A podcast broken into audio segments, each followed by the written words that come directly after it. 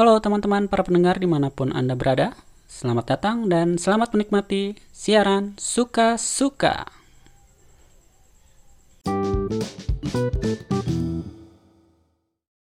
Halo balik lagi teman-teman. Para pendengar di mana pun Anda berada Kembali lagi kita di siaran favorit kita semua. Apalagi kalau bukan siaran Suka-Suka jadi kali ini kita akan membahas mengenai anime dan manga ya. Jadi kita akan membahas mengenai manga karya Ken Wakui yang mana adaptasi animenya ini menjadi cukup populer di Indonesia. Bahkan animenya yang tayang secara legal di channel YouTube News Indonesia ini setiap kali tayang itu selalu menjadi trending. Nah, apalagi kalau bukan Tokyo Revengers. Oke, jadi pertama kali saya tahu kalau ada yang namanya manga Tokyo Revengers ini adalah sejak dari uh, melihat pengumuman bahwa film adaptasi live actionnya akan dibuat. Itu kalau nggak salah tahun lalu. Nah, semenjak itu saya jadi penasaran sama Tokyo Revengers ini. Belum lagi karena uh, pemeran-pemerannya ya yang cukup wah gitu. Jadi ada Takumi Kitamura, ada Ryo Yoshizawa, terus ada Yuki Yamada atau mungkin teman-teman mungkin lebih kenal sebagai Murayama ya dari Oyako. Terus ada juga uh, Bebek si Imut Mio Imada. Nah, sungguh cast yang sangat menjanjikan ya. Belum lagi setelah uh, saya tahu sinopsisnya. Jadi Tokyo Revengers ini bercerita mengenai Hanagaki Takemichi, seorang pemuda yang uh, madesu, masa depan suram. Dia berumur 26 tahun. Suatu hari dia uh, menonton berita mengenai kematian satu-satunya mantan pacarnya semasa SMP yaitu Hinata Tachibana dan adik mantannya yaitu Naoto Tachibana yang disebabkan oleh sebuah geng yang terkenal brutal di Tokyo bernama Tokyo Manji. Terus kemudian saat dia pulang kerja, dia terjatuh dari rel kereta dan ketika sadar, ternyata dia sudah kembali melompati waktu dan kembali ke masa 12 tahun yang lalu. Itu masa ketika dia SMP, di mana menurut Takemichi itu adalah masa-masa uh, keemasan dalam hidupnya. Nah dari sini kemudian dimulailah petualangan Takemichi untuk menyelamatkan mantannya Hinata Tachibana dan mencegah tragedi yang terjadi di masa depan yang disebabkan oleh Tokyo Manji ini. Iya, gimana? Sangat menjanjikan bukan sinopsisnya? Nah, tapi kali ini kita tidak akan melakukan uh, review positif atau memberikan good review dari Tokyo Revengers ini karena uh, kayaknya sudah banyak yang bahas-bahas mengenai good review ya karena mengingat uh, hype masyarakat Indonesia terutama netizen sama animenya. Jadi kalau teman-teman mau lihat yang uh, review-review positif atau hal-hal positif tentang Tokyo Revengers ini, silakan teman-teman scrolling scrolling aja di sosmed kalian, terus cari searching fanbase fanbase dari Tokyo Revengers ini banyak. Nah di situ bisa kalian lihat uh, review positifnya. Nah, kali ini kita akan membahas mengenai hal-hal yang negatif dari Tokyo Revengers ini. Tentu saja dari perspektif saya sendiri. Ya, oke. Okay. Nah, kenapa kita bahas mengenai hal-hal negatif dari Tokyo Revengers ini? Tentu saja karena uh, supaya uh, untuk menyeimbangkan ya. Jadi supaya teman-teman tidak hanya melihat uh, sisi positifnya saja dari uh, para penggemar atau orang-orang yang menyukai Tokyo Revengers ini, tapi juga dari sisi negatif ya dari orang-orang yang menganggap Tokyo Revengers ini ya biasa saja gitu ya. Oke. Jadi waktu pertama kali saya lihat sinopsisnya, ini mengingatkan saya sama salah satu anime favorit saya, yaitu Boku Dakega Machi atau uh, judul internasionalnya Erase. Yang mana karakter utamanya itu juga mengalami time leap atau bisa melompati waktu untuk menyelamatkan ibunya Nah, jadi ekspektasi saya flow dari uh, manga atau anime ini juga sama kayak Boku Dakega Inaimachi ini. Nah, dan juga karena Tokyo Revengers ini mengandung unsur baku hantam dan uh, geng-gengan anak sekolah, ya tentu saja mirip kayak Cross ya. Belum lagi banyak juga yang komen kayak gitu ya di YouTube dari para uh, penontonnya wah ini mirip kayak Cross Zero, wah, ini Genji Genji gitu ya. Jadi ekspektasi saya baku hantam dalam manga ini juga ya mirip-mirip lah kayak gitu. Tapi sayangnya teman-teman, setelah baca manganya, ekspektasi saya ini ya sedikit terpatahkan gitu ya. ternyata flow dan build up story-nya ini nggak kayak Boku Dakega Inemachi. Jadi Boku, ga, Boku Dakega Inemachi ini walaupun ada unsur timelapnya yang mana tentu saja tidak masuk akal, tapi unsur realistis atau realismenya itu masih dipertahankan. Nah di Tokyo Revengers ini uh, nggak kayak gitu gitu. Terus kalau mau bandingin gelutnya Tokyo Revengers sama Cross itu sama aja kayak kita ngebandingin basketnya Kuroko no Basuke sama basketnya Slam Dunk. Nah, kalau yang udah baca pasti ngerti nih. Ya, sebenarnya menurut saya ya tema dan konsep yang diusung di Tokyo Revengers ini cukup menarik dan masih bisa dieksplor dan sangat berpotensi untuk menjadi sesuatu yang wah tapi sayangnya yang menurut saya agak minus adalah di proses eksekusinya. Kenapa? Nah, mari kita uh, akan bedah satu persatu ya teman-teman ya. Jadi yang pertama itu dari plot ceritanya yang rumit. Nah, rumit di sini itu bukan berarti ceritanya berat. Nah, ceritanya tuh simple ya, cukup mudah dicerna. Cuma sayangnya uh, ribet dan berkesan bertele-tele dan terlalu dipaksakan Contoh ya misalnya di sini tuh Takemichi itu berkali-kali bolak-balik masa depan, masa lalu dan setiap dia berhasil mengubah masa lalu, masa depan itu langsung berubah drastis dan sayangnya setiap dia kembali ke masa depan itu selalu ada aja kejadian lagi yang ngebuat Takemichi ini harus balik lagi ke masa lalu.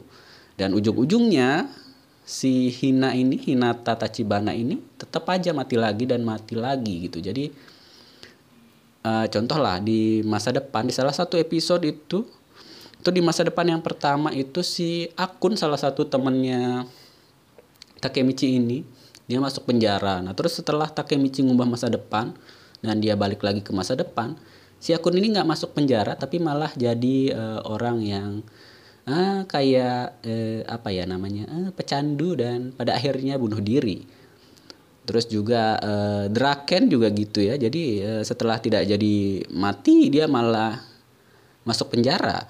Dan akhirnya ya balik lagi Takemichi ke masa lalu ya buat mengubah masa depan lagi. Jadi terkesan dipanjang-panjangin aja ini mangganya. Belum lagi ada beberapa plot yang uh, terkesan males nulis atau lazy writing ya. Jadi misal si Takemichi ini kan harus balik ke masa lalu buat mengubah suatu kejadian ya Nah pas dia balik ke masa lalu itu tiba-tiba aja dia langsung ketemu atau mungkin lebih tepatnya uh, dipertemukan sama tokoh kunci yang punya peran penting sama kejadian itu tanpa kita diperlihatkan ada usaha sama sekali dari Takemichi. Nah contohnya aja nih waktu perang sama Valhalla. Di mana di sini dia harus mencegah Keisuke Baji, salah satu karakter namanya Keisuke Baji supaya dia tidak uh, terbunuh dalam perang itu ya. Padahal uh, Takemichi ini sebelumnya belum kenal sama sekali sama si Baji ini. Dan tiba-tiba waktu balik ke masa lalu, pas dia lagi di kelas dia malah dicari sama uh, satu tokoh namanya Kazutora yang langsung ngajak Takemichi ini ketemu Baji di markas Valhalla. Dan di sana Takemichi juga langsung dijelasin alasan Baji ini keluar dari Tokyo Manji. Nah, ini sungguh tanpa usaha sekali. Dan uh, ya seperti langsung dibantu oleh plot. Amazing. Belum lagi waktu nah ini yang lebih lebih anu ya. Lebih apa ya lebih wow lagi ya yaitu di waktu Arc Black Dragon di mana waktu Takemichi balik ke masa lalu itu dia langsung ada di tempat bowling dan ketemu sama salah satu karakter namanya Hakai yang ternyata adalah adiknya pemimpin Black Dragon Iya, sungguh sangat uh, luar biasa sekali plotnya ya, sangat uh, dipercepat gitu kesannya gitu ya.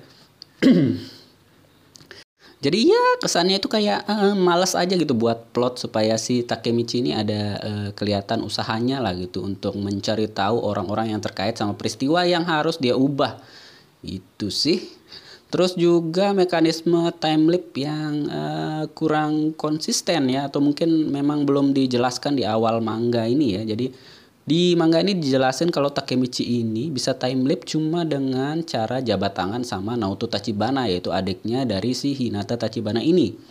Nah, padahal di awal sekali itu kita sudah tahu bahwa si Naoto ini sudah mati karena uh, konflik Manji. Nah, terus gimana caranya dia bisa balik si Takemichi ini di awal-awal itu tadi? Apakah karena tertabrak uh, kereta api ataukah karena ada suatu hal lain? Nah, itu kan agak membingungkan gitu menurut saya ya.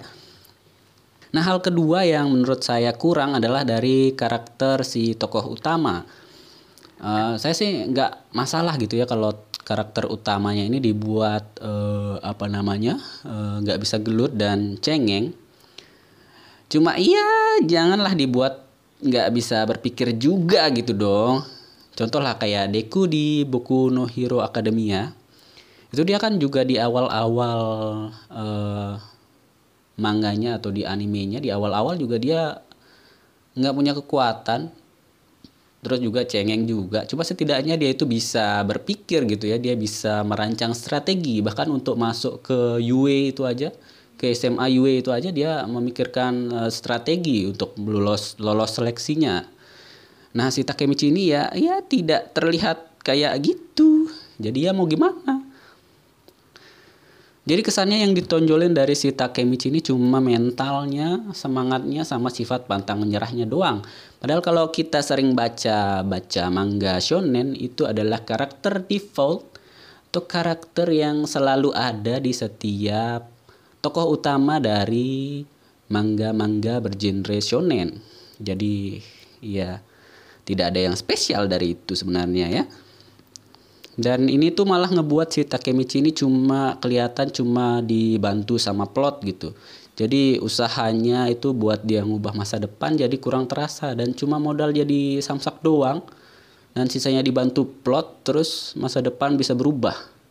Jadi kesannya itu dia cuma dengan balik ke masa lalu aja ntar jalan ceritanya itu tiba-tiba berubah dan si Takemichi ini tinggal ya ngikutin alur aja gitu. Jadi ya usahanya kurang terasa gitu ya. Dan yang paling buat saya kesel sama karakter Takemichi yang dibuat nggak bisa mikir ini adalah waktu di Arc Black Dragon. Di mana waktu itu dia dengan polosnya atau mungkin dengan uh, dengan bodohnya dia itu mau bekerja sama sama Kisaki Teta. Padahal dia ini sudah tahu kalau sebenarnya penyebab dari semua kejadian di masa depan itu adalah si Kisaki Teta ini. Dan dengan bodohnya si Takemichi ini mau ikut rencananya Kisaki Teta tanpa ada rasa curiga dan tanpa nyiapin backup plan apa pun gitu. Dan akhirnya apa? Ya dia kena jebakan Batman, terjebak mentah-mentah. Ujung-ujungnya ngandelin Mikey lagi dan akhirnya ya diselamatin sama plot lagi. Sungguh luar biasa sekali karakter utama kita yang satu ini ya. Mantap. Nah, kemudian alasan yang ketiga yang membuat uh, Tokyo Revengers ini terasa sedikit negatif adalah alasan atau motif dari sang antagonis yang menurut sebagian fans ini sangat jenius dan setara Light Yagami ya. Yaitu kisah Kiteta ini yang ya menurut saya alasannya ini atau motifnya ini agak dipaksakan dan dibuat-buat. Jadi si Kisaki ini ternyata melakukan semua rencana jahatnya ini karena dia juga suka sama si Hinata Tachibana ini. Dan dia cemburu sama Takemichi karena ternyata Hina ini suka sama Takemichi. Terus dia tahu Takemichi ini ternyata bercita-cita menjadi berandalan nomor satu di Jepang. Nah si Kisaki ini e, merasa nggak mau kalah gitu ya. Dia juga akhirnya menyusun atau merancang uh, sebuah rencana yang disebut rencana 10 tahun untuk menguasai Toman. Yang mana ujung-ujungnya kalau rencananya ini berhasil dan dia bisa menguasai Toman dan membuat Tokyo Manji ini menjadi geng nomor satu di Jepang, dia akan ngelamar Hina. Wow. Dan setelah tahu motif ini, saya jadi mempertanyakan status dari anak jeniusnya Kisaki ini ya dan saya jadi bertanya-tanya kisah ini sebenarnya beneran uh, jenius atau dia uh, uh, bodoh atau logikanya nggak jalan ya? Ya maksudnya atas dasar apa dia bisa berpikir kalau misalnya dia berhasil menguasai Toman dan membuat Tokyo Manji ini menjadi geng nomor satu di Jepang? Terus kalau dia ngelamar Hina si Hina ini mau itu atas dasar apa itu sebenarnya? Itu kan Eh, nggak uh, masuk akal gitu loh padahal dia tuh jenius masa dia memikirkan rencana seperti itu astaga Kisaki tolonglah ya Jadi ya tolonglah ya Kisaki. Maksud saya Anda itu kan jenius. Coba waktu 10 tahun yang Anda alokasikan untuk menguasai Toman itu Anda gunakan untuk mawas diri, untuk memperbaiki diri, untuk menjadi pribadi yang lebih baik.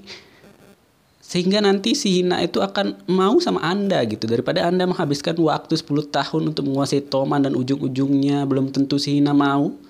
Ya lebih baik memperbaiki diri lah jadi tips ya sebaiknya tuh uh, kisaki Anda ya. Seharusnya ya yang dilakukan kisaki itu adalah menggunakan kejeniusannya, kepintarannya untuk mendekati adiknya Hina. Jadi si Naoto itu dideketin, dibantu kalau dia punya tugas tuh dibantu, dibantu belajar. Nanti kan lama-lama Anda akan diundang ke rumahnya untuk uh, ngajar, untuk ngelesin si Naoto. Nah, dari sana Anda bisa mendekati orang tuanya, si Hina. Jadi itu kan lebih efisien daripada harus menyusun rencana 10 tahun menguasai Toman yang mana ujung-ujungnya Anda akan ditolak. Ya, Kisaki, tolong. Oke, ini tips untuk Kisaki Teta. Ya. Menurut saya itu alasan yang sangat tidak masuk akal dan tidak logis dan terkesan sangat dibuat-buat. Dan Eh, kesannya itu jadi kayak uh, alasan ini cuma dibuat-buat supaya di masa depan itu si Hina bisa mati dan terus ya ceritanya jalan gitu. Ya gitu aja sih. Jadi ya ya kurang kurang kurang logis aja lah rasanya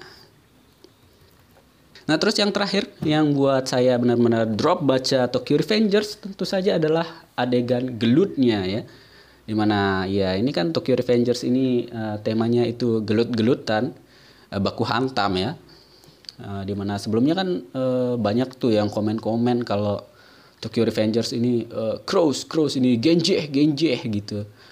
Nah, kebetulan saya sudah baca Cross dan Words mangganya, jadi ya ya mau tidak mau saya berekspektasi kalau adegan gelut di manga ini vibe-nya akan mirip kayak di Cross atau Wars gitu ya. Ya, tapi ternyata uh, gelutnya lebih ke Naruto dan Boku no Hero Academia gitu. Jadi di sini tuh ada ceramah nujutsu dan ada manusia-manusia berkekuatan super. Ya bahkan salah satu karakter itu ada yang uh, habis nangis itu bisa langsung jadi overpower gitu. Jadi habis nangis dia tuh langsung jadi kuat, bisa uh, gebuk empat orang sampai KO, terus bisa ngeblink, bisa bergerak super cepat. Padahal saat itu kondisinya tangan sama kakinya itu lagi patah gitu.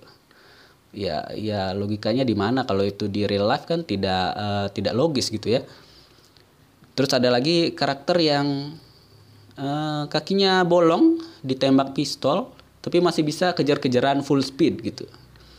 Jadi ya ya di situ saya sudah ya drop lah baca. Karena ya saya ekspektasinya karena ya saya ekspektasinya gelutnya itu kayak di uh, cruise atau di words gitu kan. Uh, ya gebuk-gebukan aja gitu kayak di real life gitu. Tapi ya eh, mau gimana lagi ternyata dibuat seperti ini? Ya sudah. Akhirnya ya inilah hasilnya ya. Negatif review dari Tokyo Revengers Oke guys, jadi ya itu dia negatif review saya buat Tokyo Revengers ya. Dan semua hasil dari negatif review ini tentunya adalah uh, uh, opini atau pendapat pribadi jadi ya mungkin kita berbeda pendapat ya karena uh, referensi orang-orang kan beda ya. Ada yang suka dengan pendekatan kayak gini, ada yang sukanya dengan yang begini. Mungkin ada yang lebih suka dengan pendekatan yang lebih fiksi, sementara ada yang lebih suka dengan pendekatan yang lebih realistis gitu. Jadi ya sah-sah aja kita berbeda pendapat gitu ya. Jadi ya keep respect lah teman-teman ya. Jadi ini adalah pendapat saya buat mengimbangi uh, apa namanya pendapat-pendapat positif di uh, warganet gitu karena beberapa kali saya lihat gitu ya di YouTube kalau ada yang teman-teman yang komen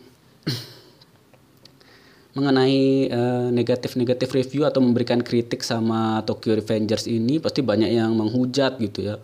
Bilang ah lu nggak tahu anime bagus.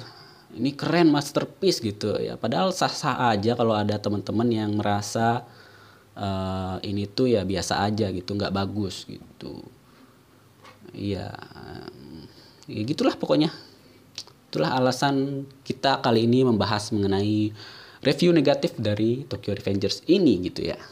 Oke.